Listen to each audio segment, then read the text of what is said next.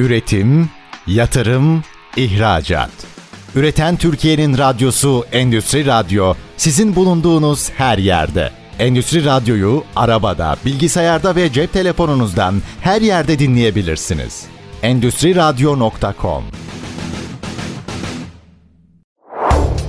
Derya Kumtepe'nin hazırlayıp sunduğu enerjisini üreten fabrikalar programı başlıyor.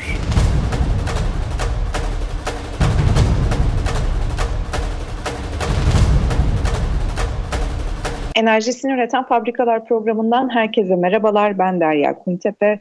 Bugün programımda çok fazla, çok güzel, çok önemli, sektör içinde çok önemli konulara değineceğiz. Çok değerli bir konuğum var. VTC Enerji İş Geliştirme Müdürü Mustafa Mutlu bizlerle birlikte. Nasılsınız Mustafa Bey? Teşekkür ederim Derya Hanım. Sizler de iyisinizdir umarım. Bizler de iyiyiz. Çok teşekkürler. İyi olmaya çalışıyoruz. Öncelikle Kahramanmaraş merkezinde yaşanan ve 10 ili etkileyen depremden dolayı hayatını kaybeden tüm vatandaşlarımıza, tüm canlara Allah'tan rahmet yakınlarına sabır diliyoruz. Gerçekten çok kötü bir dönemden geçtik. Geçmeye de devam ediyoruz. Türkiye tabii ki düzenlediği yardımlarla ve başta enerji sektörünün tek yürek olup bölgeye hızlıca intikal etmesinden dolayı hızlıca yaraları sarmaya başladık ama tabii ki de yeterli olmayacak. Bu yaraları sarmak uzun sürecek. Bu konuyla ilgili de söylemek istediğiniz sözler vardır diye düşünüyorum Mustafa Bey. Sözü size bırakıyorum.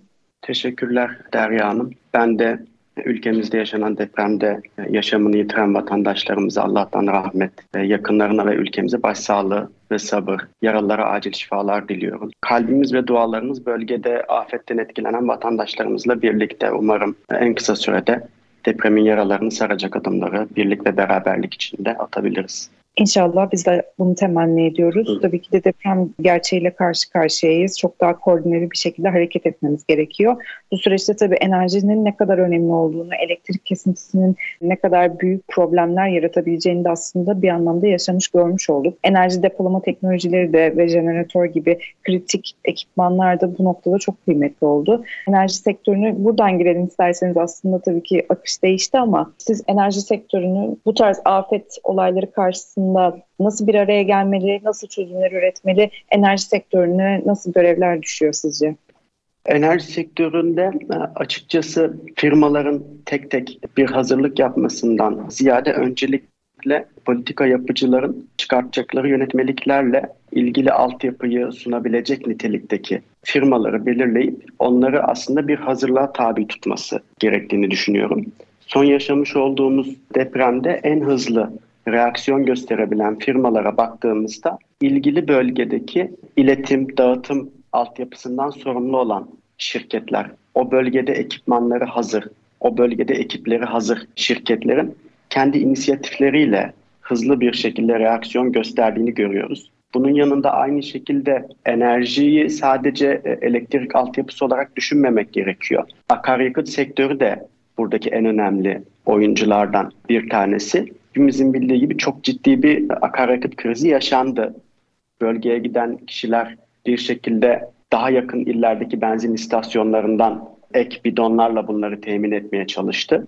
Ee, burada da yine akaryakıt sektöründen belli firmalar inisiyatif göstererek burada ücretsiz yakıt veyahut da taşımalı bir şekilde akaryakıt gönderimi gibi faaliyetlerde bulundular. Burada bireysel inisiyatifler veya firma seviyesindeki inisiyatifler her ne kadar çok kıymetliyse de bunların aslında bir plan ve koordinasyon çerçevesinde olması çok daha hızlı aksiyon almayı sağlayacaktır. Bu e, yaşamış olduğumuz e, felaketten çıkartacağımız en önemli derslerden bir tanesi de belki bu. Belki de enerji sektör oyuncuları için acil eylem planları, kriz anında yapılması gerekenler, hangi firmalar burada öncelikli rol alacak, neler yapılacak? Bunlar aslında belirlenip ve bir ön denetimden, hazırlıktan geçerse umarım böyle bir şey tekrar yaşamayız. Umarım ülkemizde hiçbir yerde böyle bir felaket, afet meydana gelmez. Fakat bunlar doğanın gerçekleri. Belirli periyotlarla maalesef biz de deprem kuşağındaki bir ülke olduğumuz için bunlara maruz kalıyoruz. Önemli olan bu dönemlerde hasarı en az şekilde hissetmek. Ben açıkçası başta depolama ve elektrik altyapısı ve ikincil olarak da akaryakıt sektöründe gerekli düzenlemelerin yapılması gerektiğini düşünüyorum. VTC Enerji'nin de sunduğu hizmetlerden kısaca bahsedebilir misiniz? Siz VTC Enerji bünyesinde nasıl çalışmalar gerçekleştiriyorsunuz? Tabii. VTC Enerji'nin sunmuş olduğu hizmetler ortak bir felsefeye dayanıyor. enerji sektöründe yer alan farklı karakterdeki piyasa oyuncuları için uçtan uca bütüncül enerji yönetimi hizmeti sunuyoruz. Kurulduğumuz ilk günden itibaren yatırımlarımızı odakladığımız iki ana konu bizim dijital ve bütüncül bakış açısı olarak özetleyebiliriz. Bu kapsamda işin dijital tarafında yani teknoloji ayağında neler yapıyoruz diye özetlemek istersek enerji piyasası entegrasyonları, IoT ürünleri, forecasting, tahminleme ürünleri, enerji finansı ve risk analizleri, elektrik tedariği, doğalgaz tedariği gibi farklı alanlarda kendi yazılım ekibimiz ile Teknopark bünyesinde yazılım ürünleri geliştiriyoruz. Son dönemde geliştirmiş olduğumuz projelerden iki tanesinde TÜBİTAK desteği de aldık. TEİDEP onaylı projeler de geliştiriyoruz. Kurulduğumuz ilk günden bu yana bizim açıkçası piyasada var olmamızı sağlayan en önemli özelliğimiz bizim enerji sektörüne tamamen dijital çözümler geliştirmeye odaklanmamız ve her sektörden farklı karakterde piyasa oyuncularına bu alanda hizmet verebilmemiz. Yazılım ürünlerine ek olarak hizmet tarafında şirket olarak neler yapıyoruz dediğimizde ise VTC Enerji bir elektrik tedarik lisansına sahip. Aynı zamanda doğalgaz tedarik lisansına da sahip ve sanayi sektöründe Enerji Bakanlığı tarafından akredite edilmiş enerji verimli danışmanlığı şirketlerinden bir tanesi. Burada VTC enerji tedarik lisansı ile birlikte enerji piyasalarında yaklaşık 4000 megawattın üzerinde bir dengeden sorumlu grubu yönetiyor. Dengeden sorumlu grup yönetimi bizim e, sunmuş olduğumuz hizmetlerin başında geliyor. Burada firmaları dengeden sorumlu grup içerisinde dengesizliklerini, tahmin hatalarını sönümleyerek %70'in üzerinde bir avantaj sağlıyoruz. Dengesizlik maliyetlerinin sönümlenmesini sağlıyoruz. Bunun yanında burada grubu analitik olarak yönetiyoruz. Tahmin hatası olan firmaların tahminlerini destekleyebilmek, daha iyi tahmin hizmeti sunabilmek için geliştirdiğimiz yine yazılım ürünlerimiz var. Onun dışında fiziksel tarafta enerji verimliliğinde özellikle son dönemde sahada etüt çalışmaları yapıyoruz. Verimlilik artırıcı projeler yapıyoruz. Bunun yanında yine hem sanayi sektöründe hem üretim tarafında son dönemde yine ilgi odağı olan yenilenebilir sertifikalar ve karbon ticareti tarafında da ürünlerimiz bulunuyor. 2023 yılı ile ilgili iş gündeminiz hakkında bilgi verebilir misiniz? Yeni dönemde hangi projeler üzerinde yoğunlaşmayı planlıyorsunuz? Geçtiğimiz yıl şirket olarak ana yazılım ürünümüz Vegan platformu için bir modernizasyon projesi başlattık. Bu uzun soluklu bir projeydi. Başta elektrik tedarik şirketleri ve büyük ölçekli elektrik üretim santralleri olmak üzere her türden sektör oyuncusunun dijital enerji yönetim ihtiyaçlarına esnek tasarımlarla destek verecek çok geniş kapsamlı bir ürün ailesi tasarladık. Geçtiğimiz yılın son çeyreğinde ilk ürünleri burada piyasaya sunmuş olduk. 2023 boyunca da önümüzdeki aylarda aşama aşama buradaki ürün ailesini tamamlayarak hepsini müşterilerin kullanımına açmayı planlıyoruz. Burada projeyi başlatma gerekçelerimizden en önemlisi bizim bu yazılım ürünlerini global ölçekte de hizmet verebilecek kabiliyetlerle tasarlamaya çalışmamız. Bir diğeri ise Electrification ile birlikte sektörde pek çok değişiklik oluyor. Yakın zamanda yayınlanan yine bu programda da belki detaylı bir şekilde konuşabileceğimiz depolama yönetmeliği. Burada enerji piyasalarında çok farklı karakterde yeni oyuncuların oluşmasını bekliyoruz.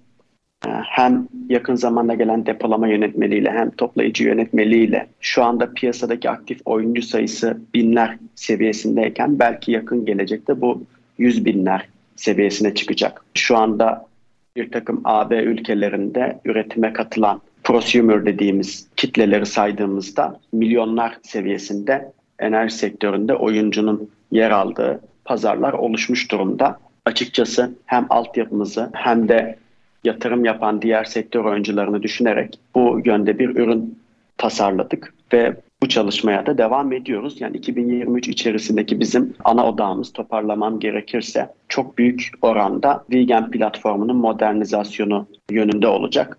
Tabii ki bunun yanında hali hazırda sürdürmüş olduğumuz bütün hizmetlerimizde portföyümüzü genişletmeye devam ediyoruz. Hem dengeden sorumlu grup tarafından hem enerji verimliliği tarafında aktif bir şekilde çalışmalarımız devam ediyor. Siz şimdi hem Türkiye'de hem de dünyadaki enerji piyasalarını yakından takip ediyorsunuz. Bu noktada hem artan enerji maliyetlerini hem de yaşanan enerji arz güvenliği e, bir değerlendirebilir misiniz? Hepimizin bildiği gibi e, enerji piyasalarındaki bu dalgalanma pandemi süreciyle birlikte başladı. Aslında oradaki tedarik zincirlerinde yaşanan problemler bunu getirmişti. Fakat pandeminin etkisinin azalmaya başladığı dönemlerde patlak veren Rusya-Ukrayna savaşı burada gerçekten bir şok etkisi yaratmış oldu. Enerji piyasalarındaki tüm emtiaların fiyatları tarihi zirveleri e, görmüş oldu. E, bu sadece Türkiye için değil, başta Avrupa olmak üzere enerjide dışa bağımlılık oranı yüksek olan ülkeler için zorlu bir süreçti. Pek çok ülke bu dönemde uzun vadeli stratejilerini gözden geçirdi. Devletler seviyesinde pek çok yeni büyük proje gündeme geldi. Bazı büyük projeler iptal edildi. Özellikle Avrupa Birliği ülkeleri ve Rusya arasındaki pek çok stratejik proje artık askıya alındı bile diyemeyiz. iptal edildi demek en doğrusu. Bizim açımızdan, ülkemiz açısından yine doğalgaz tarafında özellikle bir hub olma projesi gündeme gelmiş oldu. Yine devletler seviyesindeki projelere bakacak olursak. 2022'nin sonları ve 2023 ilk ay ve haftaları itibariyle piyasalardaki duruma bakacak olursak bir normalleşme trendinin başladığını şu an itibariyle söyleyebiliriz. Piyasa öngörüleri de normalleşme sürecinin 2023 sonuna kadar hatta 2024'ün ilk aylarına kadar devam edeceği yönünde. Tabii ki burada atlanmaması gereken çok önemli bir nokta var. Bu da enerji krizi başlamadan önceki politikalarla ilgili ülkelerin net zero hedefleri. E, bu sürecin belki de en önemli çıktılarından bir tanesi bu hedefe ne kadar uzak ve olası beklenmedik olaylar karşısında kırılgan olduğumuzu görmemiz oldu. Normalleşme sonrası muhtemelen savaşın net zero hedefleri üzerine, olumsuz etkileri üzerine pek çok detaylı analiz ve geçmişe dönük salınım hesaplamaları yapılacaktır. Fakat burada daha ne kadar altyapı eksiğimiz olduğu açıkçası ortaya çıkmış oldu. Böyle durumlarda en önemli fosil yakıt kaynaklarından birisi olan doğal gazdaki arzın kısıntıya uğraması doğrudan ikinci kömüre e, ciddi bir talebin oluşması nedeni oldu. Ki karbon salınımı en yüksek olan fosil yakıtlardan. Bu da açıkçası böyle bir negatif etki oluşturmuş oldu. Arz güvenliği konusunda ise politika yapıcılar tarafından pek çok hamle yapıldı. Özellikle hane halkı başta olmak üzere küçük tüketicilerin bu durumdan olabilecek minimum seviyede etkilenmesi sağlandı. İçinde bulunduğumuz dönemde kaynak bazında destekleme mekanizması ve azami uzlaştırma fiyatı uygulamaları devam etmekte. İlgili sürecin bitişiyle birlikte yani yönetmelikteki son tarihle birlikte o günün şartlarında bir süre uzatımı ya da farklı bir geçiş politikası muhakkak görüşülecektir. Fiyatlardaki normalleşmenin devam etmesi durumunda bu uygulamanın da ben sonlanacağını düşünüyorum. İşin e, politika yapıcılar tarafından değil de biz sektör oyuncuları penceresinden bakacak olursak bu dönemde her tesis kendi arz güvenliği için yenilenebilir kaynaklardan üretim e, yatırımlarına öncelik verdi. Önümüzdeki dönemde de bu yatırımların artarak devam etmesini bekliyoruz.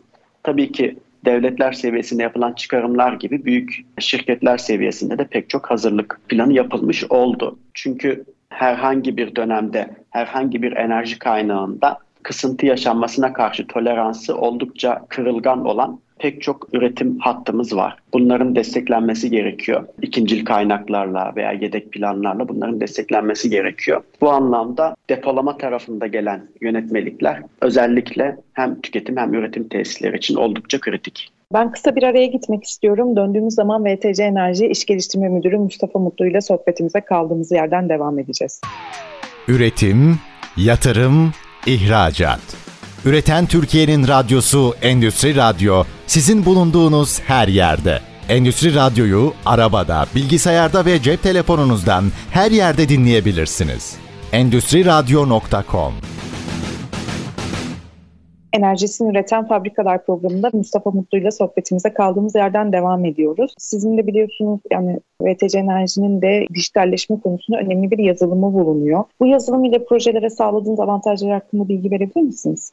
Tabii ki. Sektör ve çözüm bağımsız olarak dijitalleşmeyi ele alacak olursak sadece dijitalleşme başlığı tek başına pek çok fayda getirmekte. Burada spesifik bir sektörü düşünmediğimiz durumda bile dijitalleşmenin getirdiği operasyonel verimlilik, izlenebilirlik, risk yönetimi gibi pek çok faydası var. Ancak özellikle enerji sektörü gibi finansal hacmin oldukça yüksek olduğu 7-24 takip ve operasyon gerektiren işlemlerde dijitalleşme gerçekten hayati önem taşıyor. ve pek çok verimlilik ve risk anlamında faydalar getiriyor. Bir örnek ile somutlaştırmak gerekirse kendi elektriğini üreten bir tesisin aynı zamanda tüketimi de olan belki bir sanayi tesisinin dijitalleşmediği durumda enerjiyi nasıl yönettiğini öncelikle anlamamız gerekiyor. Sonra dijitalleşme neler getirir? Bizim geliştirmiş olduğumuz ürünler burada ne gibi avantajlar sağlar? Bunu daha net e, yorumlayabiliriz. E, şöyle ki özellikle günümüzde çatı gez oldukça yaygın e, hale geldi. Enerjinin en önemli konulardan bir tanesi planlama enerjide. Hem bütçe planlamalarında hem aylık planlamalarda hem de gün öncesinden bir sonraki günün saat bazında planlama ve tahminleme oldukça kritik bir konu. Burada piyasa katılımcıları gün öncesi piyasasında işlem yaptıklarında her gün bir sonraki günün hangi saatinde ne kadarlık bir elektrik tüketimi olacaklarını planlamak durumundalar ve bu işlemi kesintisiz olarak yapmak zorundalar. Buradaki en kritik konu şu, yüklerin, tesisteki yüklerin tek tek ölçümlenmesi, manuel olarak okunması, sayaçlardaki değerlerin alınması, bu değerlerin Excel'lerde kayıt altına alınması, daha sonra bunların farklı departmanlar seviyesinde birleştirilip konsolide edilmesi, analiz edilmesi ve bu veriden bir çıkarımda bulunulması, ortalama olarak ne kadar tüketim yapıldığının öngörülmesi çok meşakkatli bir süreç. Bunun yanında eğer bir de tesisinizde elektrik üretimi varsa, bu elektrik üretimini yaptığınız durumdaki tüketime etkisi, o elektrik üretimi yapıyorken bir kojenerasyon tesisi olabilir, ikinci bir yakıt tüketiyor olabilirsiniz doğal gaz gibi. Veya buhar kazanı çalıştırıp ısı üretiyor olabilirsiniz. Çatınızdaki GES'ten elektrik üretiyor olabilirsiniz. Bu kaynaklarla devreye girdiğinde kompleks bir hesaplama karşınıza çıkıyor. Bunun yanında bu tesisler sistemi altyapıyı kullanıyorlar. Hatlardan çekiş, elektrik çekişi ve elektrik verişi yapıyorlar. Eğer siz kendi elektriğinizi üretirseniz hattı kullanmamış oluyorsunuz. Dolayısıyla hat kullanım bedeli ödemiyorsunuz. Ama kullanırsanız, üretmezseniz bir çekiş yapmanız gerekiyor ve sistem işletmecisine, dağıtım şirketi, OSB veya iletim şirketi TEİAŞ'a bir ödeme yapmanız gerekiyor. Bunların tamamı aslında büyük bir optimizasyon problemi. Biz burada tesislerden bütün üretim ve tüketim noktalarından IoT cihazlarımızla gerçek zamanlı verileri kendi platformumuza alıyoruz. Hem verim hesapları hem tüketim hesapları hem eğer çatı GES varsa buradaki çatı GES'in saatlik üretim tahminleri. Bunların tamamını bir araya getirerek bir gün ertesi planı hazırlıyoruz. Bunun dışında bizim yazılımlarımız piyasaya, enerji piyasalarına tamamen entegre olduğu için bir optimizasyon modeli de çalıştırarak piyasada oluşacak fiyatlar hangi seviyede olursa ben nasıl davranmalıyım planlamasını da yaparak kırılımlı bir şekilde teklifte bulunuyor EPİAŞ'a. Yani aslında piyasada çıkan fiyatlar işte 3000 liranın üstünde olursa ben kendim üreteyim daha avantajlı ama 2000 liranın altında olursa üretmeyeyim, şebekeden çekiş yapayım kararlarının verilmesini sağlıyoruz. Sadece bu tek başına tesislerin e, toplam enerji maliyetlerini %10 ile 20 arasında düşürebiliyor bu kojenerasyon tesisleri için. Bunun yanında sadece tüketim olan durumda yenilenebilirle birlikte tahmin yapan yerlerde de dengesizlik hata oranlarını %5'in altına kadar indirebiliyoruz. Bu bir defa sağlıklı bir planlama sağlıyor. Bu işin tamamen maliyet tasarrufu tarafı. Yani aslında sürekli ödemekte olduğunuz bir bedeli toplam enerji maliyetini aşağıya çekebiliyoruz. Buradaki geliştirdiğimiz tahmin algoritmaları ve optimizasyon modelleri sayesinde. İşin operasyonel tarafına baktığımızda bu teklifin manuel olarak bir kullanıcı tarafından bir sistem açılıp oraya ekranlardan elle girilmesi gerekiyor. Hataya oldukça müsait, sürekli bir operasyon, hastalık, izin gibi durumlar için bu personelleri yedeklemeniz gerekiyor. 7-24 olduğu için hafta sonu da çalıştırmanız gerekiyor gibi gereklilikleri var. Fakat biz bu entegrasyonların tamamını dijital olarak yapıyoruz web servislerle. Yazılımımız bu işlemleri yürütebiliyor. Bunun yanında bu firmaların ikinci yükümlülükleri var. Üretim planlarını TEİAŞ'a da bildirmek durumundalar. Bu bildirimleri de yine otomatik olarak yapabiliyoruz. Aslında firmanın bir nevi dijital enerji yönetimi departmanı oluyoruz bu yapmış olduğumuz faaliyetlerle. Enerjinin planlanmasından ilgili paydaşlara iletilmesine, EPİAŞ, TİAŞ gibi birimlere dijital olarak iletilmesine, sonuçların alınıp paylaşılmasına kadar bütün süreci uçtan uca yönetmiş oluyoruz. Burada tamamen %100 bir operasyonel avantaj var. Ek olarak işin finansal boyutunu da işte ben kaç günlük ödeme yapmam lazım EPİAŞ'a, şu anda riskim nedir, teminat durumum nedir gibi hesaplamaları da yaparak risk ve teminat durumlarını da hesaplayarak firmalara bildirebiliyoruz. Buradaki dijitalleşmeyle gelen avantajlar oldukça fazla. Yani ürün ürün detayına girdiğimiz zaman özellikle IoT tarafındaki izlemenin verim hesaplamalarında pek çok alt avantajı e, bulunuyor. Fakat çok kabaca özetlemem gerekirse bu şekilde ifade etmiş olabilirim. Enerji depolama konusunu da biraz daha açabiliriz. Çünkü sektörde gerçekten çok önemli bir noktada yer alıyor. Bu konuyla ilgili yayınlanan bir yönetmelik var. Hem o yönetmeliği değerlendirmenizi hem de bu alandaki gelişen teknolojileri bir değerlendirmenizi rica edeceğim. Depolama ile ilgili yönetmelik Kasım 2022'de resmi gazetede yayınlandı. Bundan çok daha önce de taslak yönetmelik yayınlanmıştı. Bir süre taslak olarak kalmıştı. Firmalar burada gerekli incelemelerini yapıp katkıda bulundular. Burada yayınlanan yönetmeliğe göre depolama tesisleri üretim tesisine bütünleşik depolama ünitesi, tüketim tesisine bütünleşik elektrik depolama ünitesi, müstakil elektrik depolama ünitesi ve şebeke işletmecileri tarafından kurulan elektronik depolama tesisleri olmak üzere dört ana başlıkta gruplandı. Bu başlıkları piyasa bakış açısıyla e, yorumlamamız gerekirse bu dört tesisin birbirleri arasında belirli farklılıklar bulunuyor. Öncelikle şebeke işletmecisi tarafından kurulan depolama tesisleri piyasa faaliyetlerinde bulunamıyor. Burada şebeke işletmecisinin yapacağı yatırımlar, depolama yatırımlarını şöyle yorumlamak gerekiyor. Şebeke işletmecisi dediğimizde aslında bir yatırım şirketi gibi düşünebiliriz. Sürekli altyapıların yenilenmesi, ilave altyapı yatırımları. Her bölgenin aslında elektriğe sağlıklı ulaşımından sorumlular. Buradaki planlama şöyle. Yani ben o bölge için yapacağım depolama yatırımı için ne öngörüyorum? Depolama yatırımı yapmazsam, hatları iyileştirmek istersem, işte başka bir yatırım yapmak istersem ne öngörüyorum? Aslında bir e, seçim analizi gibi. E, bu analizi yapıp dağıtım şirketleri TEİAŞ'a sunarak diyecek ki ben bu bölgede depolama yatırımı yaparsam daha sağlıklı bir hizmet sunabilirim. Bunları bu kapsamda ele alıyoruz. Bu tesisler piyasa faaliyetlerinde bulunamıyor. Yani bir herhangi bir elektrik alışı satışı faaliyetinde bulunamıyor. Tüketim tesisleri açısından bakarsak sanayi tesislerini ele alabiliriz burada. Bunlar da veriş yapmak için yani o depoladığı elektriği satmak için kullanamıyor. Depolamayı sadece çekiş amacıyla kullanabiliyor. Piyasa bakış açısından şunu söyleyebiliriz. Fiyatların düşük olduğu saatlerde depolama kapasitesini, deposunu doldurabilir. Fiyatın yüksek olduğu bir saatte depoladığı elektrikten tesis içerisinde kullanabilir. Böyle bir avantajı olabilir ama onun dışında piyasa faaliyetlerinde aktif olarak yer alamıyor. Burada satış yapabilecek en önemli kalem üretim tesisine bütünleşik olanlar. Üretim tesisine bütünleşik olanlar piyasa faaliyetlerinde bulunabilir. Fakat bunların içerisinde ne bildiğiniz üzere pek çok yenilenebilir tesiste YEK anlaşması var. YEK anlaşması olan üretim tesisleri şöyle depolamadan bir satış yapıyorsa teşvikten faydalanamıyor.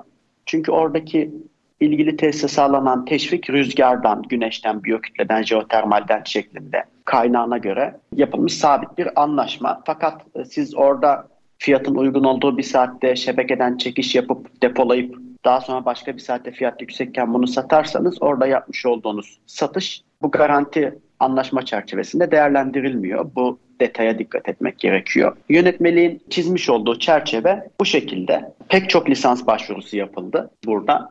Fakat şu anda aktif olarak büyük ölçekte hizmet veren kuruluşlar şu anda henüz çok gözlemlemiyoruz. Birkaç pilot proje tabii ki vardı geçmişte de. Biz burada yakın zamanda bu yatırımlar hayata geçtiği durumda pratikteki etkilerini yorumlamamız gerekirse burada fiyat politikasının daha sağlıklı oluşmasına olumlu etkileri olacağını kolaylıkla söyleyebiliriz. Şöyle ki aslında depolama e, yeni bir konu değil. Pompajlı depolamalar hidroelektrik santrallerinde veya işte su tutma kapasitesi olan hidroelektrik santrallerini düşündüğümüzde bunlar aslında bir nevi depolama olarak yorumlanabilir. Hidroelektrik santralleri zaten esnekti. Yani istediği saatte istediği kadar üretebilme kabiliyetine sahipti.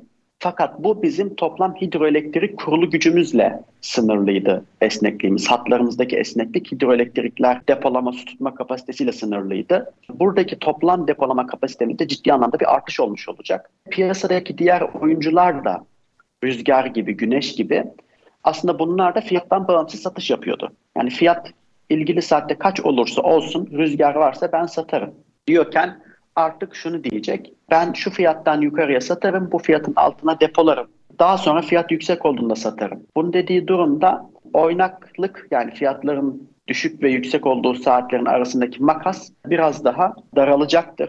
Bunun yanında tabii ki hatlardaki frekansın sağlıklı bir şekilde kalabilmesi için yani 50 Hz olarak bunu koruyabilmek için primer sekonder frekans tarafında da frekans kontrolleri tarafında da depolama tesislerinin aktif e, rol alabileceğini söyleyebiliriz. Avrupa'da benzer örnekler var. Özellikle Almanya'nın kuzeyinde, Danimarka'da bu bölgelerde ve arada kalan açık denizde çok fazla kurulu rüzgar gücü var. Rüzgarların rüzgar değişimine göre sürekli devreye girip çıkması hatlardaki frekans dalgalanmalarına neden oluyor. Bizde de Çanakkale gibi, Ege gibi, İzmir civarındaki bölgelerde yoğun bir rüzgar kurulu gücümüz var. Bu bölgelerdeki hatların hatlardaki frekansın dengelenmesi için sadece primer sekonder frekans kontrolü amacıyla dahi müstakil depolama tesisleri kurulup e, aktif rol alabilir. Ben önümüzdeki dönemde depolama tesislerinin sayısı arttıkça hem iletim hattının sağlığı için hem de piyasadaki fiyatların daha sağlıklı oluşması için olumlu etkileri olacağını düşünüyorum. Kısa bir araya gidiyoruz Mustafa Bey. Döndüğümüzde biraz da fabrikaların, sanayi tesislerinin enerji verimliliğine yönelik ihtiyaçlarını konuşacağız. VTC Enerji İş Geliştirme Müdürü Mustafa Mutlu bizlerle birlikte olmaya devam edecek. Üretim, yatırım, ihracat. Üreten Türkiye'nin radyosu Endüstri Radyo sizin bulunduğunuz her yerde. Endüstri Radyo'yu arabada, bilgisayarda ve cep telefonunuzdan her yerde dinleyebilirsiniz. Endüstri Radyo.com Enerjisini Üreten Fabrikalar programında VTC Enerji İş Geliştirme Müdürü Mustafa Mutlu ile sohbetimize kaldığımız yerden devam ediyoruz. Şimdi Mustafa Bey biliyorsunuz sanayi tesisleri enerji etüdü yaptırarak önemli avantajlar elde ediyorlar. Enerji maliyetlerini azaltmak isteyen tesislerin de bu etüdü mutlaka yaptırması gerekiyor. Şimdi benzer bir durum termik santrallere de getirildi. Bu gelişmeyle birlikte termik santrallerden siz nasıl dönüşler aldınız? Yaptığınız çalışmalarda nasıl çıktılar elde ettiniz? Bu konuyla ilgili bir yoğunluğunuz söz konusu oldu mu? Açıkçası şu anda bu alanda ciddi bir yoğunluk yok. Çünkü burada yönetmeliği önce anlamamız gerekiyor bunu doğru yorumlamak için. Temmuz ayında bu yayınlandı ve aslında daha önceki enerji verimliliği ve etüt alanındaki duyurularda olduğu gibi bir takvim paylaşıldı firmalarla. Burada ilgili yönetmelik devreye girdikten sonra firmaların önlerinde 3 yıl gibi bir süre var. Bu sürenin belirleniyor olması açıkçası firmaların ilk etapta doğrudan hamle yapmak yerine ön fizibilite, ön analiz e, gibi çalışmaları ilk etapta değerlendirip bunu zamana yayıp daha sonra gerçek planları devreye almak şeklinde ilerlediğini söyleyebiliriz. Burada bildiğiniz üzere termik santrallerde çok fazla atık ısı var. Bu yönetmeliğin çıkma amacı bu atık ısının nasıl kullanılabileceği, nasıl değerlendirilebileceğine dönük termik santrallerden bir çalışma yapılmasının beklenmesi. Buradaki elektriksel güç kısıtı 20 megawatt ve üzeri olarak belirlenmiş durumda. Buradaki belirlenmiş olan kısıt 20 megawatt ve üzeri kısıtı pek çok kojenerasyon tesisinin bu kısıta takılmamasını sağlamış oldu. Bildiğiniz üzere bizim aslında ülkemizde yaklaşık 5000 megawattlık bir kurulu güç var kojenerasyon tarafında. Fakat yaygın olarak e, yapılan yatırımlara baktığımızda gaz motorları işte 4 megawatt güç, 8 megawatt güç gibi farklı güç seçenekleriyle geliyorlar. Burada kurulu gücü 20 megawatt üstüne denk gelen kojenerasyon yatırımcısı sayısına baktığımızda ülke seviyesinde oldukça kısıtlı kalıyor. Aslında kojenerasyon özelinde burada az fakat termik santraller özelinde sayı daha çok. Bu termik santraller içerisinde de zaten atıl durumda olan fiyattan dolayı, verimden dolayı çalışamayan pek çok tesis vardı. Özellikle geçtiğimiz yıl doğal gaz fiyatlarının zirve yapmasıyla birlikte üretimi durdurmuş, üretim yapmayan veya on, ondan önceki dönemlerden beri altın termik santraller vardı. Dolayısıyla burada aktif olarak çalışan termik santraller dediğimizde etkilenen toplam tüzel kişilik sayısı çok fazla değil. Burada termik santrallerde atık ısıların öncelikle binalarda ısıtma ve soğutma amaçlı kullanımı, daha sonra tarımsal üretim, su ürünleri yetiştiriciliği, soğuk hava depolarında kullanma, tatlı su üretimi gibi sektörlerde değerlendirilip değerlendirilemeyeceğinin analizlerinin yapılması şirketlerden bekleniyor. İşin bir kısmı bu. Yani eğer sizin bir termik santraliniz varsa o atık ısıdan faydalanamıyorsanız ama tesisinizin yan tarafında bir sera varsa bu seraya bu atık ısıyı kazandıracak bir proje yaparsanız burada ne kadar bir verimlilik elde edilir? Bunların sunulması üstünde aslında tasarlanmış bir yönetmelik. Yönetmeliğin ikinci kısmı da şu. 20 megawatt ısıl güç, 20 MVT üzeri diyelim. Isıl enerji ihtiyacı olan, yeni kurulacak veya büyük rehabilitasyon geçirecek olan endüstriyel işletmelerde kojenerasyon sistemlerinin uygulanmasına yönelik fizibilite etütleri yapılması gerekiyor. Yani siz yeni bir sanayi tesisi kuracaksanız büyük bir dönüşüm geçirecekseniz ve oradaki ısıl enerji ihtiyacı yönetmelikte belirlenen eşik değerin üstündeyse bu durumda sizin bir kojenerasyon tesisi kurmanız feasible mı değil mi bunun analizini yapmanız bekleniyor. Burada tesislerin dikkat etmesi gereken husus şu. Geçmişte bir etüt yapmış olsanız dahi çünkü bu tesislerin zaten enerji yoğunluğu yüksek olduğu için bir etüt yaptırmışlardı.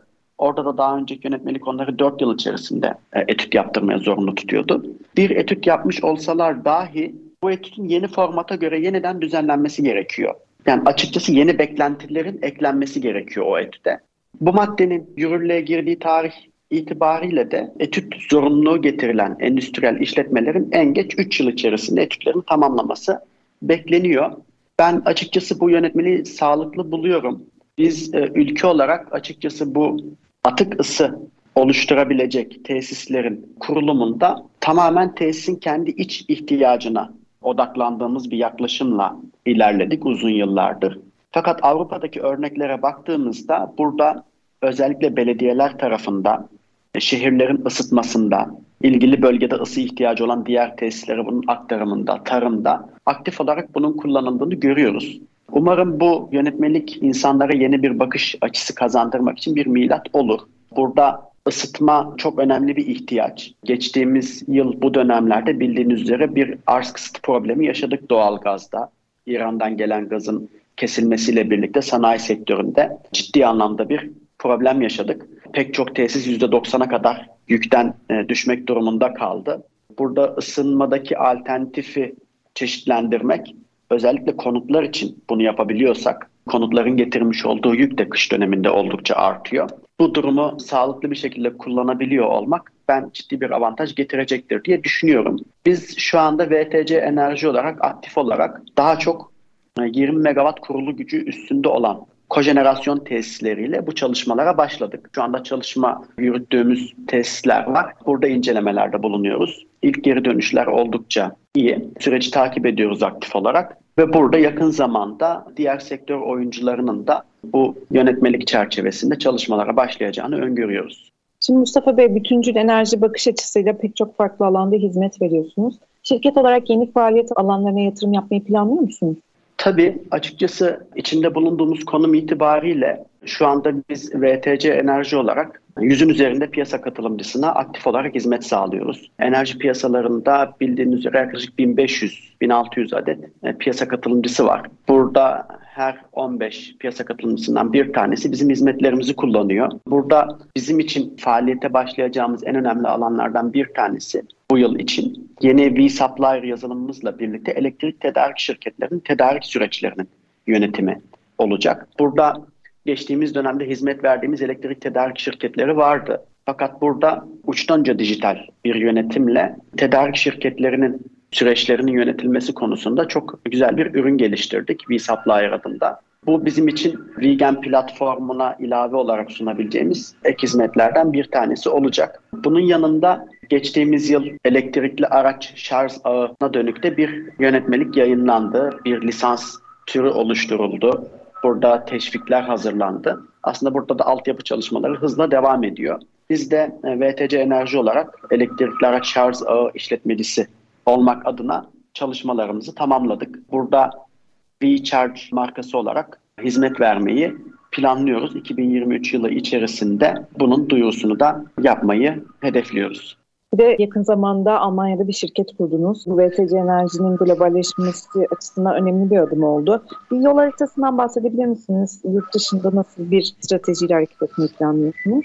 VTC Enerji'nin globalleşme yol haritası aslında çok eskiye dayanıyor. Biz gerçek fiziksel e, hamlemizi gerçek anlamda 2022 yılı içerisinde başlayarak 2022 sonunda tamamlamış olduk. Fakat bunun öncesinde pek çok farklı AB ülkesi için e, fizibilite çalışmaları yapmıştık. Bildiğiniz üzere burada geliştirmiş olduğumuz vegan platformu özellikle kendi enerjisini üreten sanayi tesislerine ciddi avantajlar sağlıyor. Burada ısının yoğun olarak kullanıldığı kağıt gibi, tekstil gibi sektörlerde de bunun sağladığı avantajlar oldukça yüksek. Biz bu buradan, bu gerçekten yola çıkarak ilk önce tekstil sektörünün aktif olduğu, kojenerasyonda teşviklerin yer aldığı İspanya e, pazarı özelinde ciddi bir çalışma yaptık. Orada ziyaretlerimiz oldu. Oradaki Kojenerasyon Derneği ile iletişimimiz hala devam ediyor. İspanya'da açıkçası burada ciddi bir e, ilgi olduğunu söyleyebiliriz. Bizim yakın zamanda da yine faaliyette bulunmayı düşündüğümüz ülkelerden bir tanesi. Fakat İspanya'da şöyle bir durum var. İspanya'daki enerji piyasaları Avrupa'daki diğer piyasalara nazaran özellikle Almanya ve kuzey ülkeleri tarafından işletilen piyasalara nazaran biraz daha dışa kapalı. Yani OMI entegrasyonu dediğinizde, İspanya piyasasının entegrasyonu dediğinizde e, orada yerel bir partnerle, daha doğrusu İspanya içerisinde bir şirketle ilerlemeniz e, gerekiyor. Orada da şirket kuruluş çalışmalarını belirli bir aşamaya kadar getirmiştik. Fakat e, uygun partner bulma sürecinde özellikle dijital bizimle align olabilecek şirket bulma sürecinde yaşadığımız problemlerden dolayı o kısmı açıkçası park ettik. Daha sonra diğer piyasaları incelemeye başladık. Burada bizimle e, Türkiye'deki EPH de açıkçası rol model olarak kullandığı aslında bu piyasaların ilk e, doğuşunda kuzey ülkelerinin öncülük ettiğini biliyoruz. Bu kuzey ülkeleri tarafından işletilen piyasada Nord Pool, e, Nord Pool tarafını inceledik. Nordpool'daki market yapısını, ülkelerin katılımlarını, fiyat oluşumlarını inceledik. Sonrasında Apex Spot tarafını inceledik. Burada hem volatilite, hem hacim, hem ilgili ülkede iletim altyapısını sağlayan şirketlerin sunduğu entegrasyonlar. Yani bu iş işi bütüncül olarak yapmak istersek, birebir Türkiye'deki modelimizi uygulamak istersek hangi ülke bizim için dijital anlamda en iyi seçenekleri sunuyor. Bunun analizini yaptık ve burada Almanya konusunda hemfikir olduk. Almanya'da fuar katılımlarımız oldu. İlgili sektör oyuncularıyla bir araya geldik ve şirketi Almanya'da kurmaya karar verdik. Şu anda da Almanya'daki piyasalara üyelik sürecimiz devam ediyor. VTC Enerji Türkiye'de enerji piyasalarının bir katılımcısı olduğu gibi Almanya'da da enerji piyasalarının bir katılımcısı olmayı, e, Almanya'da da bir dengeden sorumlu grup kurmayı ve Almanya'da da Türkiye'de sunmuş olduğu yazılım kabiliyetlerinin e, birebir aynısını sunmayı hedefliyor. Yani en özet haliyle böyle söyleyebiliriz. Detaya indiğimizde ise yol haritamızdan bahsetmek istersem bizim ilk önce yurt dışında var olmaya çalışacağımız alan yazılım hizmetleri olacak. Software as a service mantığıyla biz ürünlerimizi geliştiriyoruz. Yani bunlar cloud tabanlı, aylık üyelik modeline dayanan ürünler. Burada geliştirmiş olduğumuz ürünlerden özellikle iki tanesi IoT ürünümüz vSensor ve tahminleme platformumuz vForecast tamamen ülke bağımsız dünyanın her yerinde çalışabilecek bir iş modeli barındırıyor. Hem çoklu dil desteği, hem çoklu firma desteği, hem platform bağımsızlığıyla herhangi bir ülkede, herhangi bir data center'da, herhangi bir müşteriye hizmet verebilecek altyapıyı barındırıyor. Buradaki temel işleyiş şöyle. IoT projemiz vSensor, elektrik üretim ve tüketimine dair sensör verilerini, telemetri verilerini anlık frekansa kadar okuyarak bunları cloud'da hesaplayabiliyor. Yani endeks verilerini takip ederek işte son 5 dakikada ne kadar tüketti, son 15 dakikada ne kadar tüketti, son 1 saatte ne kadar tüketti. Bu bilgileri konsolide ediyor. vForecast ise gerçek zamanlı verilerle birlikte gelen değerleri kullanarak sürekli daha iyi bir forecast yapmak için e, modeli iyileştiriyor. VForecast tarafında onun üzerinde makine öğrenmesi, istatistiksel yöntemler gibi pek çok farklı algoritma var. Bu iki projemiz bizim aynı zamanda TÜBİTAK'ın da desteklemiş olduğu bir ARGE projesi. Türkiye'de sanayide dijital dönüşüm başlığı altında belirlenen öncelikli alanlardan bir tanesine giriyordu. Bu projeyle birlikte biz Almanya'da da faaliyetlerimize başlamak istiyoruz. Yakın zamanda dünyanın en büyük enerji fuarı olarak nitelendirilen eWorld fuarı var. Esen'de düzenlenen. E, şirket olarak oraya katılıyor olacağız. O fuarda da bu yazılım ürünlerimizi hem Almanya'dan katılanlara hem globaldeki enerji sektörü oyuncularına tanıtmaya başlayacağız.